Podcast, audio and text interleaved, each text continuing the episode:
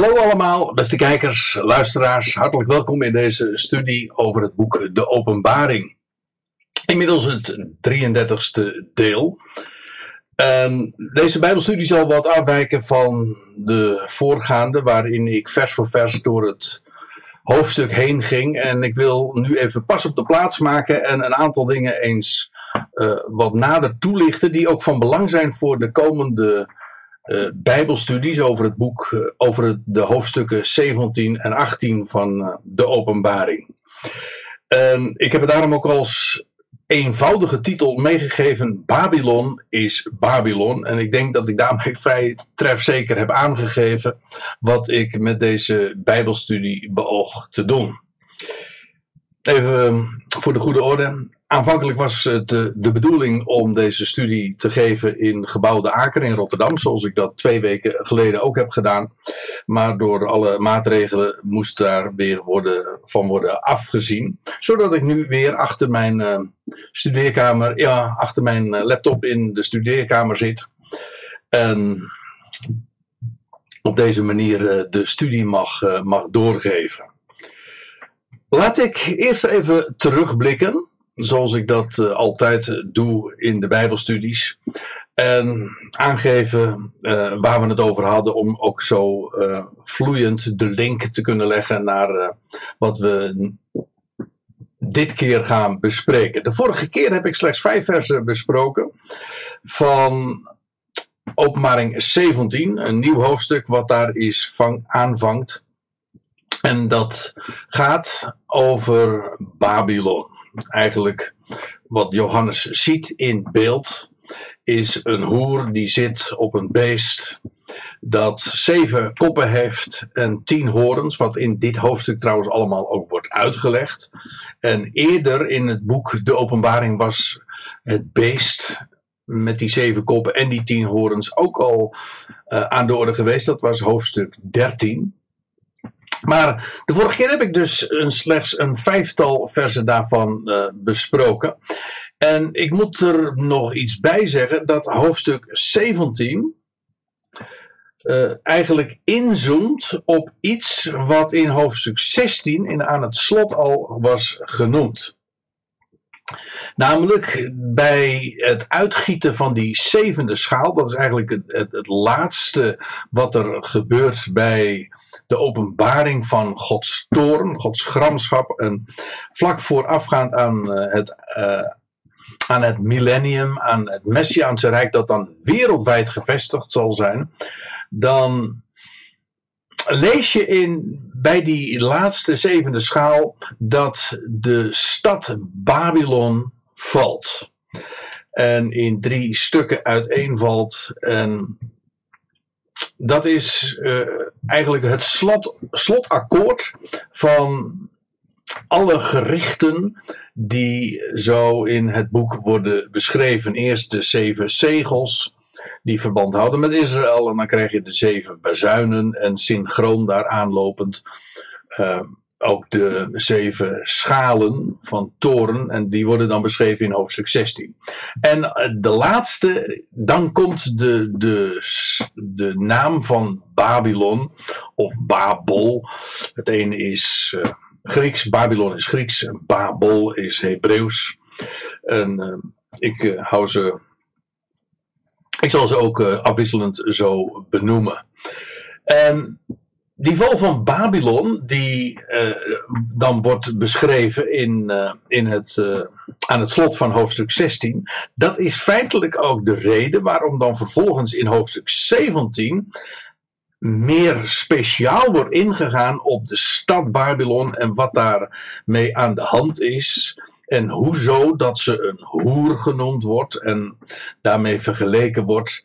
En hoe die stad, want dat is het, een zo'n prominente rol zal spelen in die laatste fase van, van deze aion in, de, in deze wereld. En dat is heel opmerkelijk, maar want deze aion, die aanving in, uh, in de dagen van Noach na de zondvloed, die begon ook al met Babylon. En het opmerkelijke is dat als je dan helemaal duizenden jaren verder uh, gaat en aan het einde van deze aion aankomt, dan ja, dan kom je opnieuw weer Babylon tegen. Trouwens, in die tussenliggende tijd heeft uh, Babylon uh, ook al uh, een zeer prominente rol gespeeld in diverse perioden van, ja, van de afgelopen millennia. En dan denk ik met name aan de dagen van Nebukadnezar.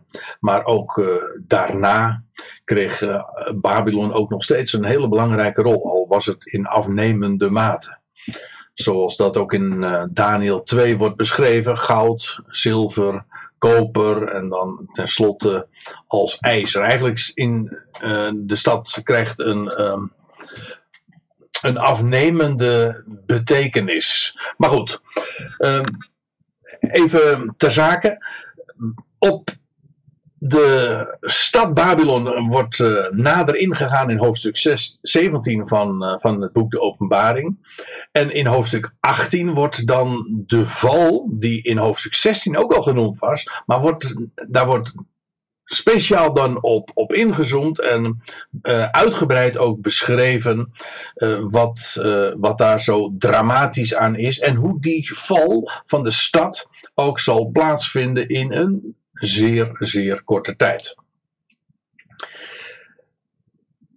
Als er in hoofdstuk 16 aan het slot uh, trouwens gewezen wordt op uh, de val van Babylon, dan wordt daar ook nog uh, gerefereerd aan wat we in Jeremia vinden, namelijk in Jeremia 25, waar ook Babel genoemd wordt in, op een cryptische manier. En ik heb de vorige keer dat ook uh, laten zien. Dat dat een uh, zogenaamde een stijlfiguur, een atbash. Een omkering van de naam. En dat is, uh, dat is wel eigenaardig natuurlijk dat de naam omgekeerd wordt. Maar juist ook om aan te geven dat de stad wordt omgekeerd. Afijn. Het is Babel, Babel waarvan Jeremia dan ook zegt en profeteert dat die als laatste de beker van Gods toorn zal worden uh, zal krijgen, uh, krijgt aangereikt. En dat, dat komt dus uh, volstrekt overeen met wat je ook in het boek De Openbaring leest. Namelijk dat pas bij de zevende plaag eigenlijk het slotakkoord van de gerichten van God over deze aarde dan pas wordt Babylon getroffen, maar dan ook uh, definitief. En Babylon als die grote stad die de heerschappij heeft over de koninkrijken der aarde, die komt dan ten val.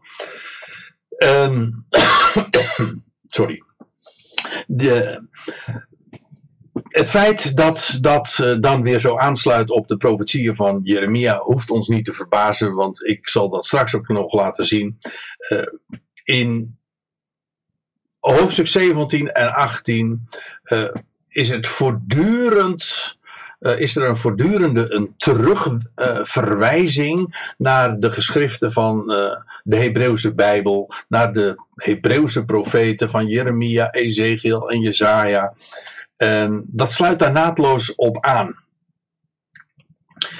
En wat ik nu in deze studie kortweg wil doen, en ik zei al, ik maak even pas op de plaats, want ik ga nu niet verder in de vers voor vers bespreking. Maar ik wil even op iets, iets heel belangrijks uh, benadrukken en ook aantonen. Iets wat zeer omstreden is en dat is ook precies de reden waarom ik daar nu uh, een keertje heel in een aparte studie eens op in wil gaan.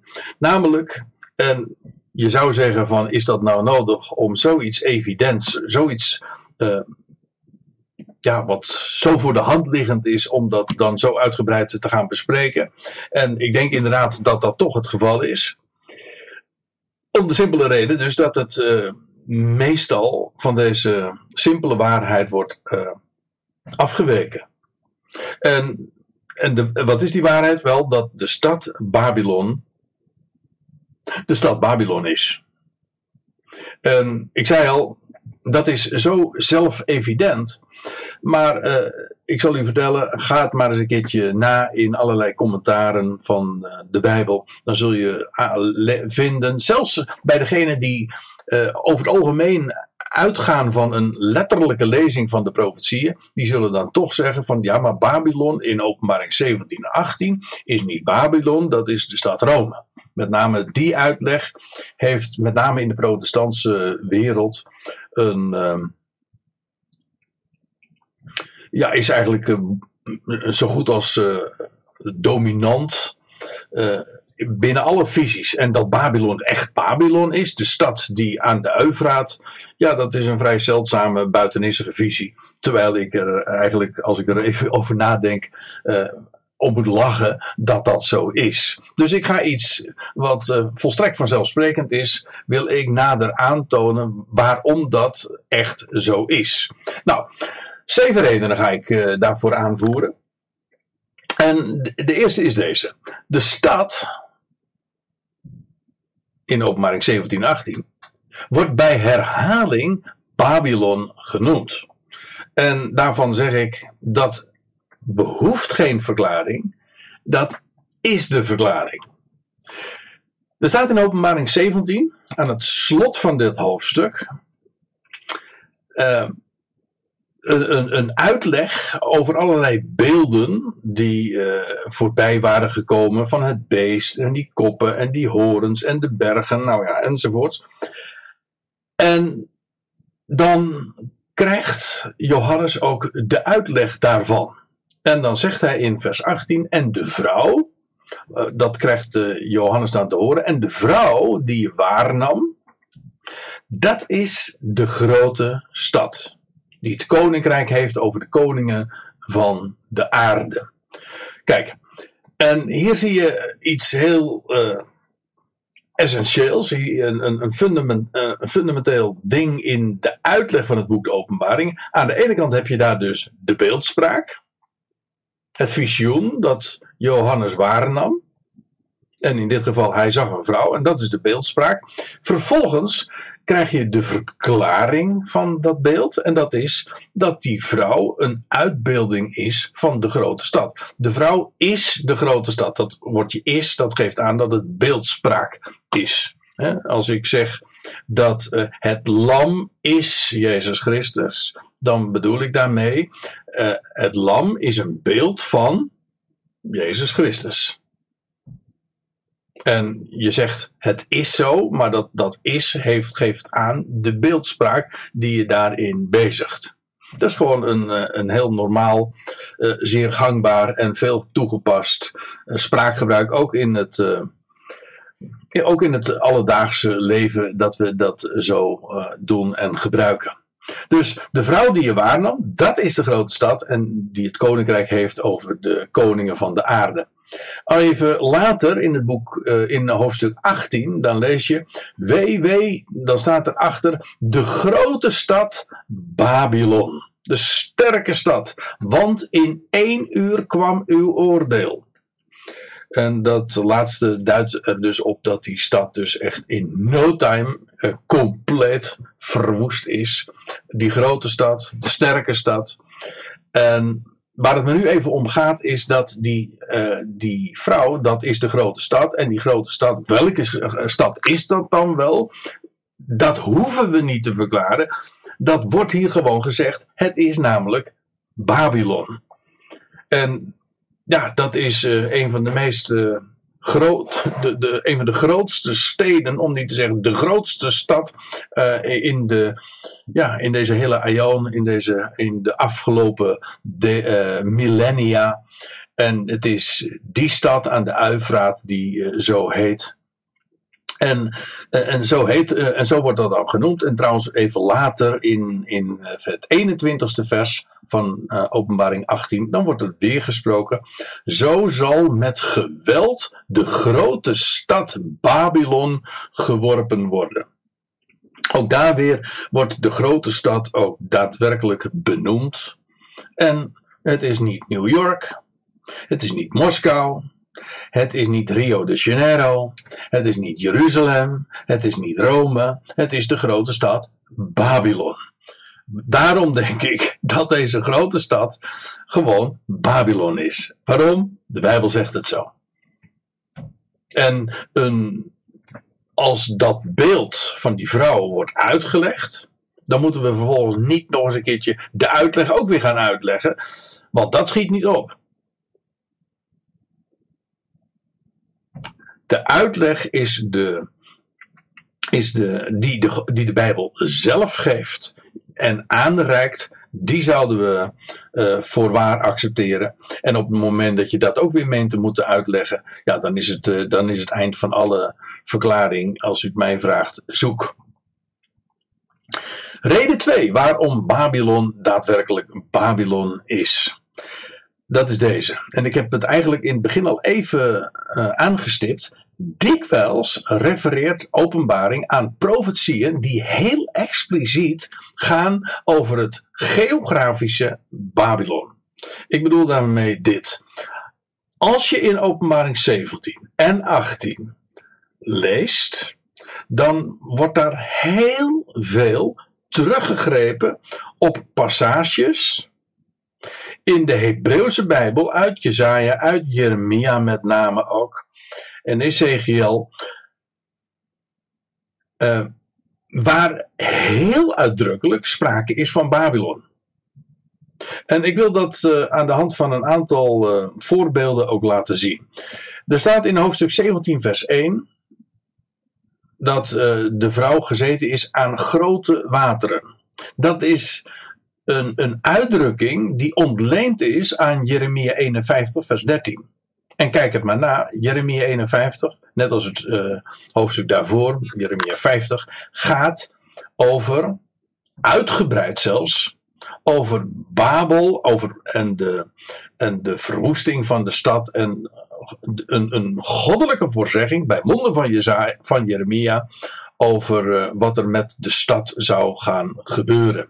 Maar uh, ze is aan grote wateren en dat, is, dat refereert gewoon aan een andere profetie, namelijk uit de Hebreeuwse Bijbel, ons Oude Testament, waar ook uh, diezelfde uitdrukking gebezigd wordt. En dan gaat het inderdaad over Babel. Zodat het boek Openbaring gewoon voortbouwt op dat wat de Hebreeuwse profeten al hadden aangekondigd. Het boek Openbaring is zou je kunnen zeggen, daarmee ook een sluitstuk van de Bijbelse profetie. Uh, er wordt gesproken dat ze de hele aarde dronken maakt. In datzelfde Jeremia 51 wordt uh, dat ook zo benoemd. Zodat als Johannes dat zo formuleert, dan suggereert hij daarmee ook en veronderstelt hij die kennis als bekend bij zijn lezers dat uh, dat wat hij ziet uh, hetzelfde is als en refereert aan hetgeen we lezen in Jeremia. Uh, net zo goed als dat daar in vers 4 gesproken wordt dat die vrouw een gouden beker had. Ook dat staat in Jeremia 51. En als in later in hoofdstuk 18 vers 2 gesproken is, gevallen is Babylon, dan is dat de letterlijke weergave ook wat we, zoals Jezaja daarover spreekt en profeteert. En als in, in datzelfde vers 18, vers 2 gesproken wordt dat Babylon na, na haar val een schuilplaats wordt voor onreine dieren, dan is dat ook iets wat we in Jezaja vinden, maar ook in Jeremia aantreffen.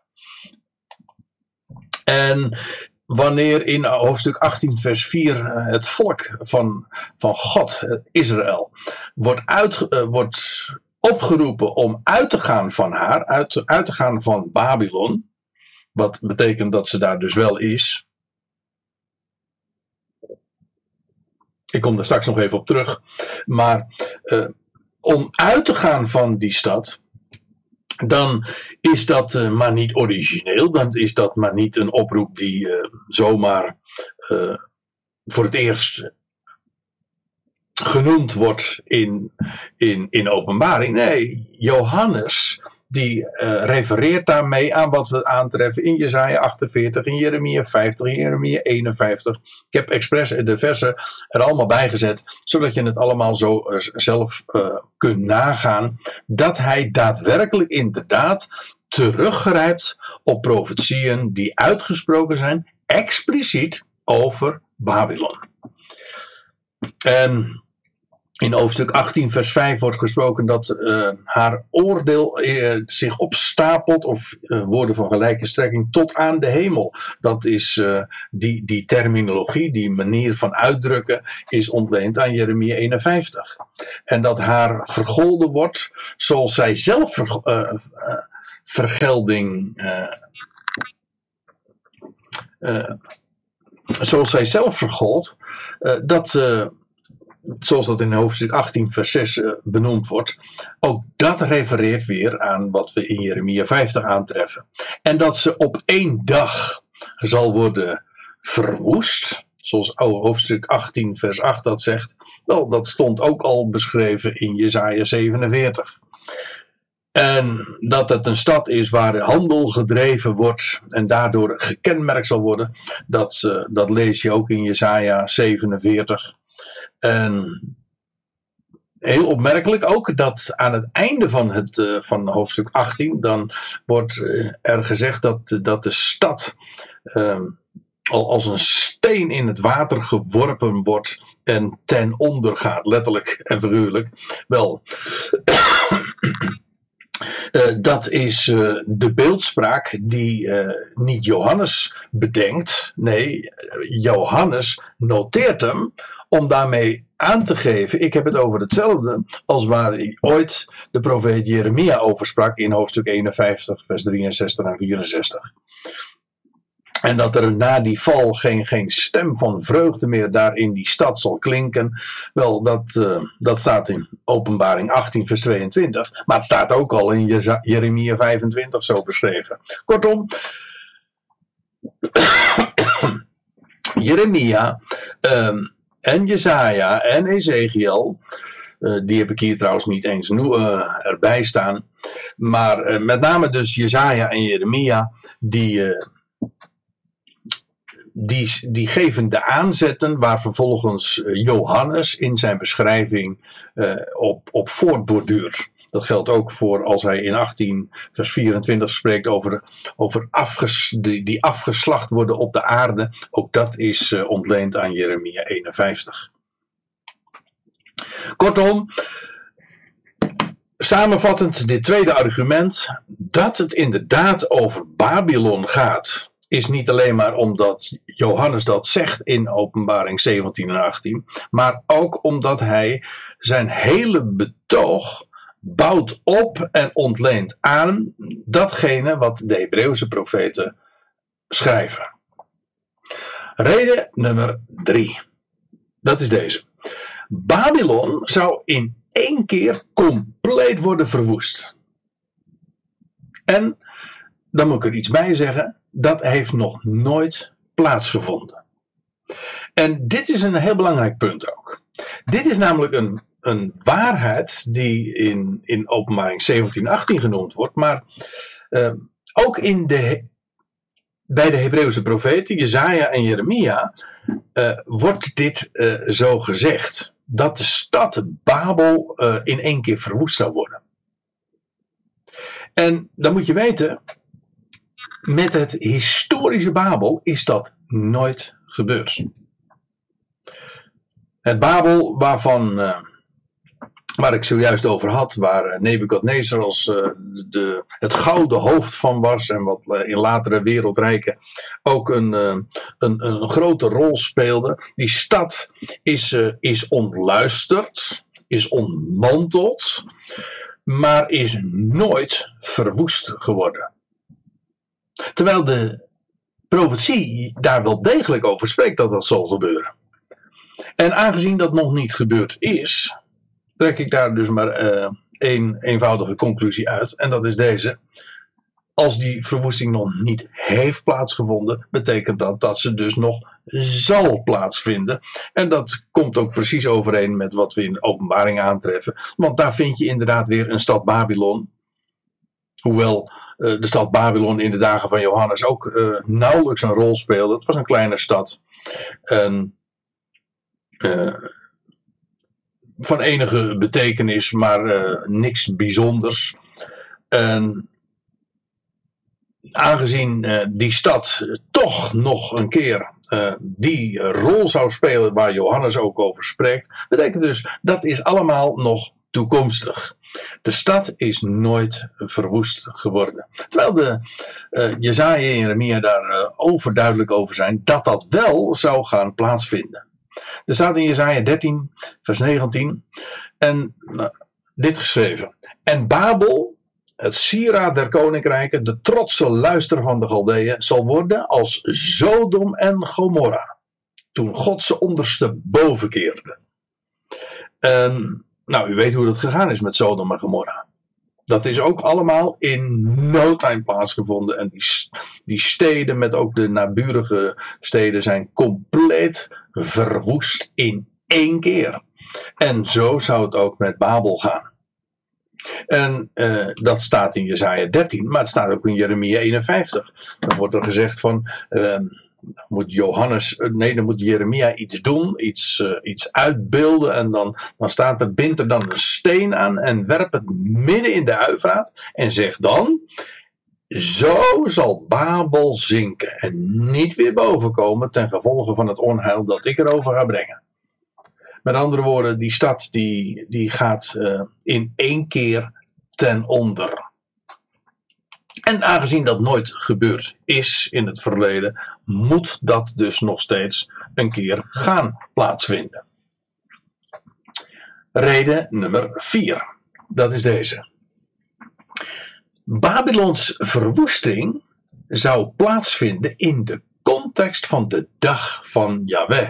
En dit is uh, een, een, punt wat precies aansluit wat, bij wat ik zojuist zei. Ik zei, die stad moet nog verwoest worden. Ja, de, dat is heel logisch, want die stad zal namelijk verwoest worden in de dag van Yahweh. En dat is toch echt toekomstig. Dat is de dag waarin God zal afrekenen en alle vijanden van Israël en zijn koninkrijk gaat opbouwen.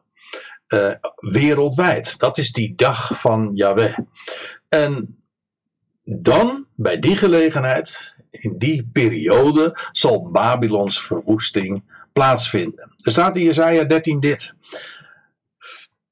Dan wordt er geroepen, jammert, want de dag van Yahweh is nabij. Hij komt, die dag namelijk, als een verwoesting van de Almachtige.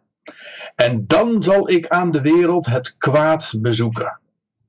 Je ziet hier ook het, het hele, het, het finale karakter ook van, van, uh, van wat er dan in die dag zal gebeuren. Aan de wereld zal dan het kwaad worden bezocht.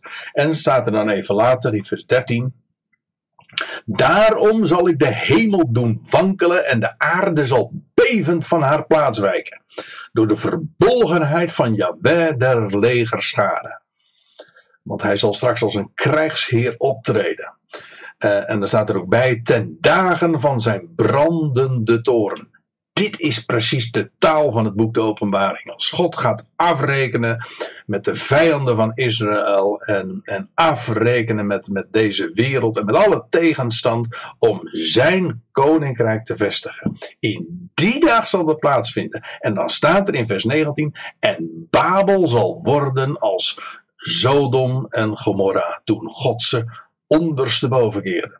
Met andere woorden, de verwoesting van Babel moet een keer plaatsvinden, heeft nooit plaatsgevonden. En dus zal ze plaatsvinden. Dat is ook logisch, omdat die verwoesting zal plaatsvinden in de dag van Yahweh. En dat is precies zoals Jesaja 13 daarover spreekt. En ook dat sluit weer perfect aan bij wat we in openbaring aantreffen. Namelijk dat uh, Babylon en de rol die zij nog uh, zal gaan spelen, inclusief haar, haar definitieve einde en, en uh, verwoesting, wel, dat is allemaal nog toekomstmuziek. Reden nummer 5. En dat is deze. Na Babylons verwoesting zou de stad nooit meer worden bewoond. Ook dat geeft uh, opnieuw weer aan dat uh, die verwoesting uh, nog plaats moet vinden. Want uh, het, uh, het, het, het gegeven is gewoon deze: dat weliswaar Babylon in, in het verleden een grote rol speelde en, en nu al eigenlijk enkele duizenden jaren niet of nauwelijks. Eigenlijk al zo'n pakweg 2.500 jaar speelt ze geen rol van betekenis. Maar ik moet er meteen bij zeggen, nog, de, het is niet zo dat, dat, dat geen stad meer is of dat ze niet bewoond wordt. bij de vorige Bijbelstudie heb ik er al op gewezen dat waar uh, ooit Babylonstad zich bevond, daar heb je nu de stad Hilla. En weliswaar is dat niet echt een, een megastad, wat het nog wel gaat worden. maar het is toch een stad van zo'n half miljoen inwoners. Ongeveer van de grootte van, van onze provincies, de hoofdstad van de provincie Utrecht.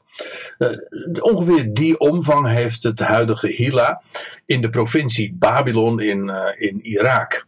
Maar ook dit is iets wat aangeeft dat, dit, dat de verwoesting van Babylon inderdaad nog plaats moet gaan vinden. En omdat na de verwoesting de stad niet meer bewoond zou worden. Dat staat en in Jezaja en ook weer in Jeremia. Lees maar. Er staat, uh, wat ik zojuist ook al voorlas uit Jezaja 13. En Babel zal worden als Sodom en Gomorra toen God ze ondersteboven keerde. Het zal tot in de Aion niet meer bewoond worden. Nog bevolkt, bevolkt zijn van geslacht tot geslacht. En geen Arabier zal daar zijn tent opslaan. En geen herders zullen daar legeren. Met andere woorden, uh, dat beantwoordt niet aan de, aan de huidige tijd. Nu is het een stad, het is wel degelijk bevolkt. En, en er is heel veel te beleven. Het is zelfs uh, Hilla, dat is de hoofdstad zelfs van, van de Iraakse provincie Babylon. Met andere woorden, uh, dit is niet iets wat, wat vandaag waar is. En het zou tot in de Aion en van geslacht tot geslacht niet meer bevolkt of bewoond worden. En Jeremia 50 zegt iets soortgelijks. Uh, daarom zullen daar, uh, en dit gaat ook over na, nadat de stad verwoest is, daarom zullen er boskatten met jakhalzen huizen, ook zullen er struisvogels huizen, en het zal niet meer bestaan. Dat wil zeggen als stad.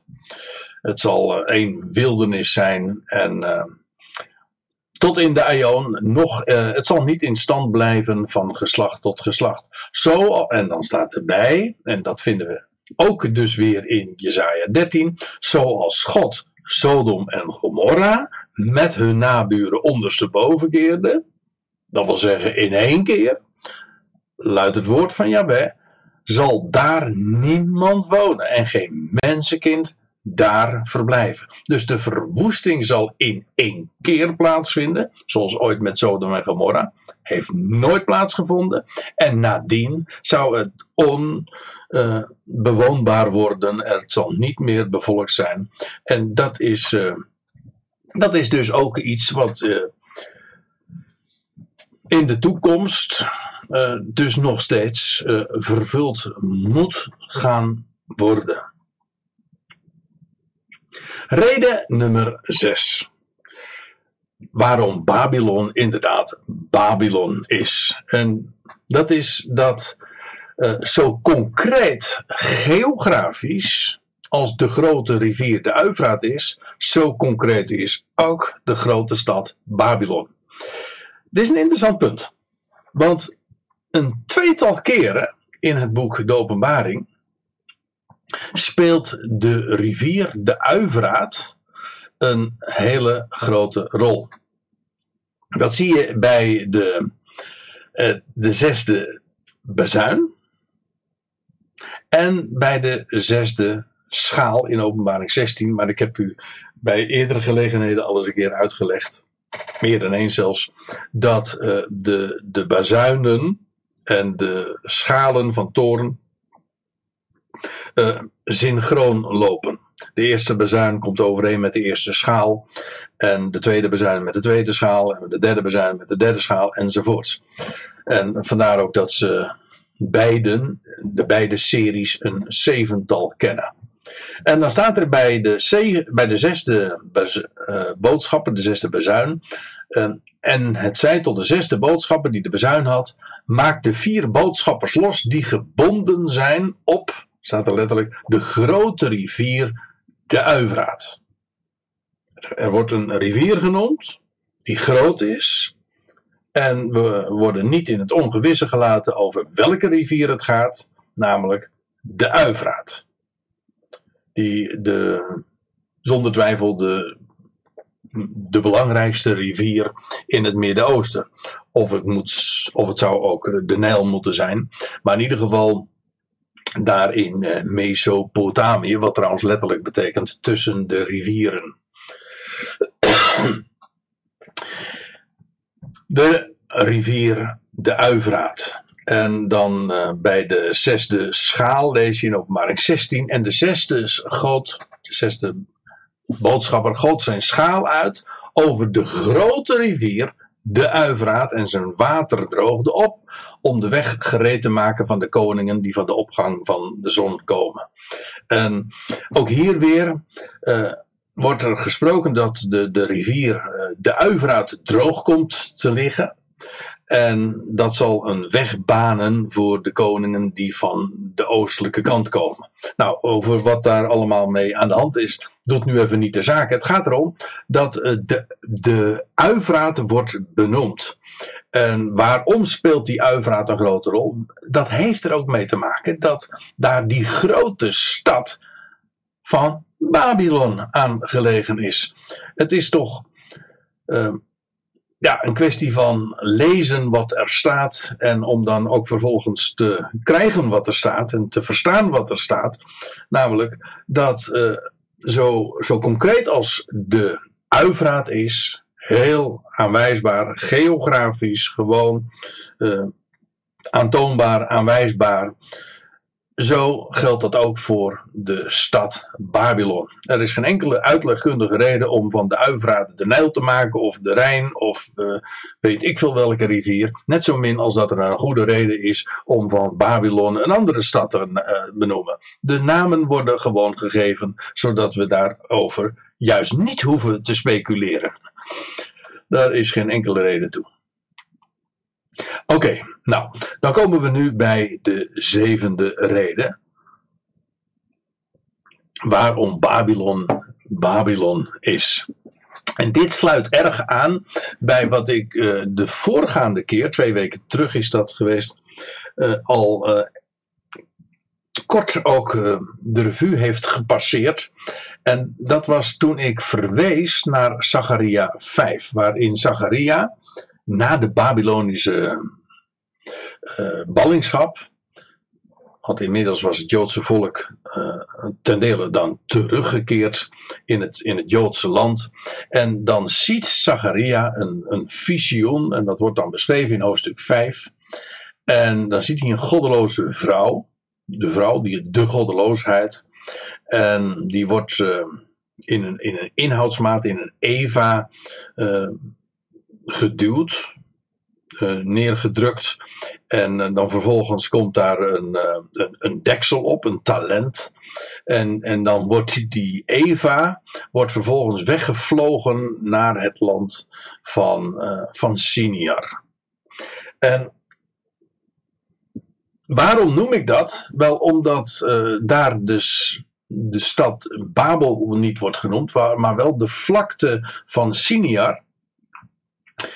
Uh, dat wil zeggen de vlakte waar uh, Babel gelegen is. In Genesis 11 uh, wordt dat ook zo genoemd, dat daar die stad gebouwd wordt in de vlakte van, het, van, van Siniar. En het is een goddeloze vrouw die daar, daar wordt voor haar een, een huis gebouwd. En dit is buitengewoon belangrijk om ook openbaring 17 en 18 te begrijpen. Want in openbaring 17 en 18 gaat het maar niet alleen maar over de stad Babylon, maar ook dat het de functie vervult van een, een hoer. En dat komt ook omdat Gods volk zich daar bevindt. Dat wil zeggen, een Israël, het is een Israëlitische stad. Een Joodse, een Joodse stad. Nou, laat ik eens even een paar versen daaruit lezen. In vers 9 wordt daar gezegd. Uh, en ik hief, uh, zegt uh, Zacharia dan, ik hief mijn ogen en ik zag en zie twee uitleners gingen uit. Ja, dit is wat omstreden, want in de gangbare vertalingen wordt er gesproken over twee vrouwen, maar dat, dat is een zeer discutabele vertaling. Elders wordt er gewoon gesproken, heeft dit woord de betekenis van uitlenen. En dat heeft iets dus met, met, uh, met geld en met investeren te maken. En dat past ook helemaal in de context van Zachariah 5, waar juist uh, uh, symbolen als van geld en handel genoemd worden. De, de, talent en de Eva. En in dat verband wordt er ook gesproken over uitleners. En ze gingen, twee uitleners gingen uit. En wind was in hun vleugels en ze hadden vleugels als de, als de vleugels van de ooievaar. En het idee daarbij is dat um, die, die, die, die Eva, die inhoudsmaat, waar die vrouw dus ingeworpen wordt, um, die wordt, uh, wordt verplaatst. En ja, door, en door wie?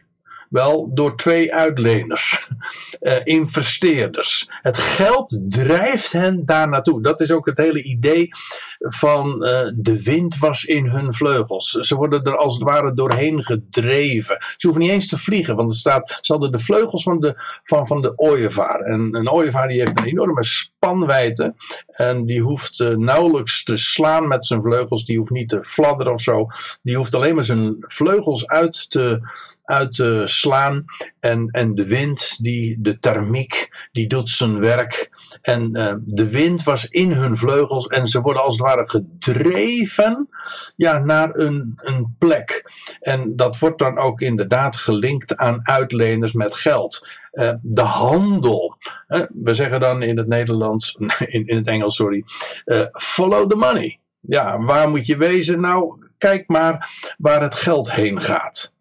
Nou, dat is uh, hier ook aan de orde.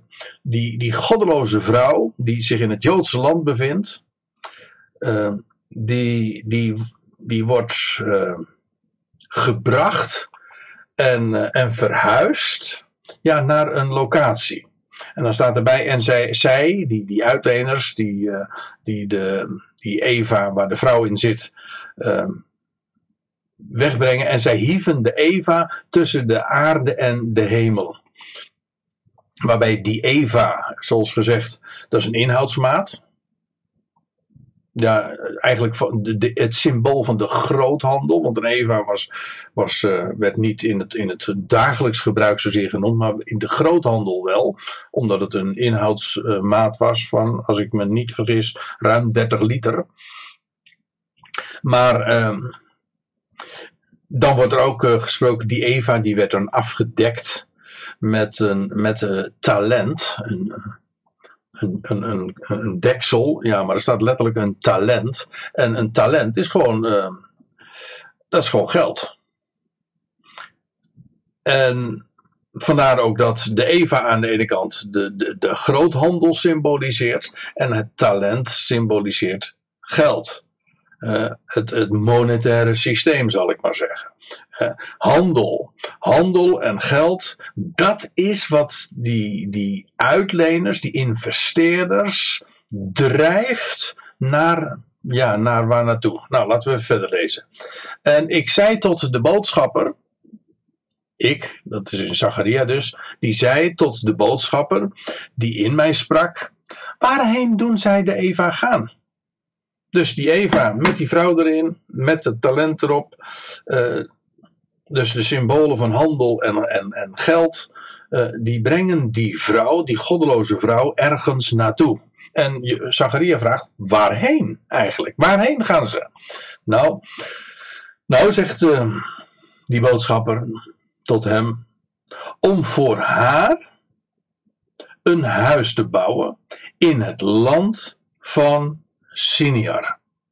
Dat is dus het land waar het gebied, de vlakte, waar aan de Uifraat, bij de Uifraat, waar Babylon gebouwd is. Daarheen wordt die goddeloze vrouw die zich in het Joodse land bevond, heen gevlogen. En ja, om voor haar daar een huis te bouwen. En is dat dan gevestigd? Uh, dan wordt zij daar neergezet op haar basis. Dus zij krijgt een, een, een plek. Uh, daar, uh, hoewel ze uit het Joodse land komt, ze krijgt een plek, een basis, een huis. daar in het land van Siniar. En dat is opmerkelijk, maar het maakt de profetie van Openbaring 17 en 18 zo helder. Het is zo essentieel om die, die link ook te zien, want dan begrijp je dat het volk van Israël, zo u wilt, het Joodse volk dat zich in het land bevindt, zal op een gegeven ogenblik uh, door het geld en de handel gedreven naar Irak gaan, daar bij de Uivraat en daar een vestiging krijgen, een filiaal. In feite, die vrouw die had haar zetel in Jeruzalem. Ik kom daar de volgende keer ook op terug, want je leest namelijk dat die vrouw ook ge, uh, gezeten was op zeven bergen. En ik weet, dat wordt altijd gelieerd en gekoppeld aan Rome. En dat is op zich niet zo'n gekke gedachte hoor, want Rome is inderdaad uh, gebouwd op, op zeven heuvelen. En zeven bergen, verhogingen. Maar uh, ja, daar zijn heel wat meer uh, steden die daarvoor in aanmerking komen. Maar één van de steden, nee, de stad die uh, wij in dit verband moeten noemen, is Jeruzalem. Jeruzalem is de stad die gebouwd is op zeven bergen. En en daar heeft die goddeloze vrouw, die had haar zetel daar in Jeruzalem, dat was haar hoofdstad, maar ze wordt vervolgens gevlogen naar het land van Siniar. En wat we dus in de toekomst, uh, in de nabije toekomst, uh, zeg ik erbij, uh, mogen verwachten, is dat door handel gedreven zal het Joodse volk gaan verhuizen of in ieder geval een filiaal krijgen, een vestiging, een dependance krijgen, daar in de vlakte van Siniar. Het lijkt een hele merkwaardige en haast onvoorstelbare constructie, maar het Joodse volk, de staat Israël, gaat een enorme vinger in de pap krijgen in de Arabische wereld. En eh, de contouren ervan zien we daar nu al uh, van uh, zich aftekenen. Nu de een naar de andere Arabische land uh, vrede wil sluiten met, met de Joodse staat. En dan krijg je een, uh, een, een samenwerking waarbij kapitaal en know-how en inventiviteit van de Joodse staat uh, gecombineerd worden en, en, uh, en, en uh, het hele Midden-Oosten tot ongekende hoogte zullen gaan brengen. En dat zal een, een, een samenwerking gaan worden tussen inderdaad de Arabische wereld en de Joodse staat. En, en aan de ene kant heb je daar dus dat beest van, van allemaal de, dat, dat tien horens heeft, tien uh, verschillende koninkrijken daar in de Arabische wereld. Een beestachtig rijk, jawel, maar het heeft ook connecties met dat andere beest in het land. En dat zie je dus ook in feite uh, in Babel. Babel is weliswaar een, een, een stad en dan in het gebied van de Arabische wereld, daar in Irak, jawel, maar het wordt een huis voor het goddeloze Israël. Puur vanwege het geld dat haar daarheen zal drijven en waardoor uh, het ook zo'n afschuwelijke rol zal gaan spelen. Ook trouwens in de vervolging van uh, de Messias beleidende Joden in, in de toekomende dagen. Babylon wordt een filiaal van Jeruzalem. En zij krijgt daar een, een basis. Nou, ik denk dat dit hele belangrijke ele uh, elementen zijn om uh, openbaring 17 en 18 te begrijpen. Maar wat ik in dit verband en voor deze gelegenheid vooral wil benadrukken en heb willen laten zien, is dat dit allemaal onderstreept dat we het werkelijk van doen hebben met de stad Babel in het gebied van Sinjar, daar bij de Uifraat, dat, uh, daar gaat het gebeuren. Daar gaat nog zoveel gebeuren. Uh, net zo goed ook uh, als dat dat allemaal nog opgebouwd moet gaan worden en die rol gaat spelen. Zo zeker weten we ook dat het uh, verwoest weer gaat worden. En ja, ten einde dat God inderdaad zelf orde op zaken gaat stellen. En tegenover Babel in Jeruzalem zijn koning zal laten regeren. Ehm, maar dat is dan inderdaad in de toekomende, in de toekomende aion. Nou, voor nu heb ik uh, in ieder geval uh, willen duidelijk maken dat Babylon werkelijk Babylon is en geen enkele andere stad komt daar dus voor in aanmerking. In het Midden-Oosten, in het gebied van Irak, daar bij Sinjar, in de uh, Eufraatvallei, daar gaat het gebeuren. En uh, alle profetieën wijzen in diezelfde richting. Nou, als ik dat bij deze gelegenheid heb uh, kunnen en mogen duidelijk maken, dan, uh, dan is me dat. dan is dat voor, voor dit keer voor mij voldoende. En dat zou prachtig zijn als dat in ieder geval duidelijk is geworden. En als u het allemaal nog eens een keertje op een rijtje gezet wil zien, dan ziet u dat hier in deze laatste dia's, waarin ik zo alle zeven punten nog eens uh, benoem, uh, die uh, in deze studie voor het voetlicht zijn gebracht. Nou, ik wilde het daarbij laten en ik zou zeggen tot een volgende keer. Hartelijk dank voor jullie aandacht en God zegen allemaal.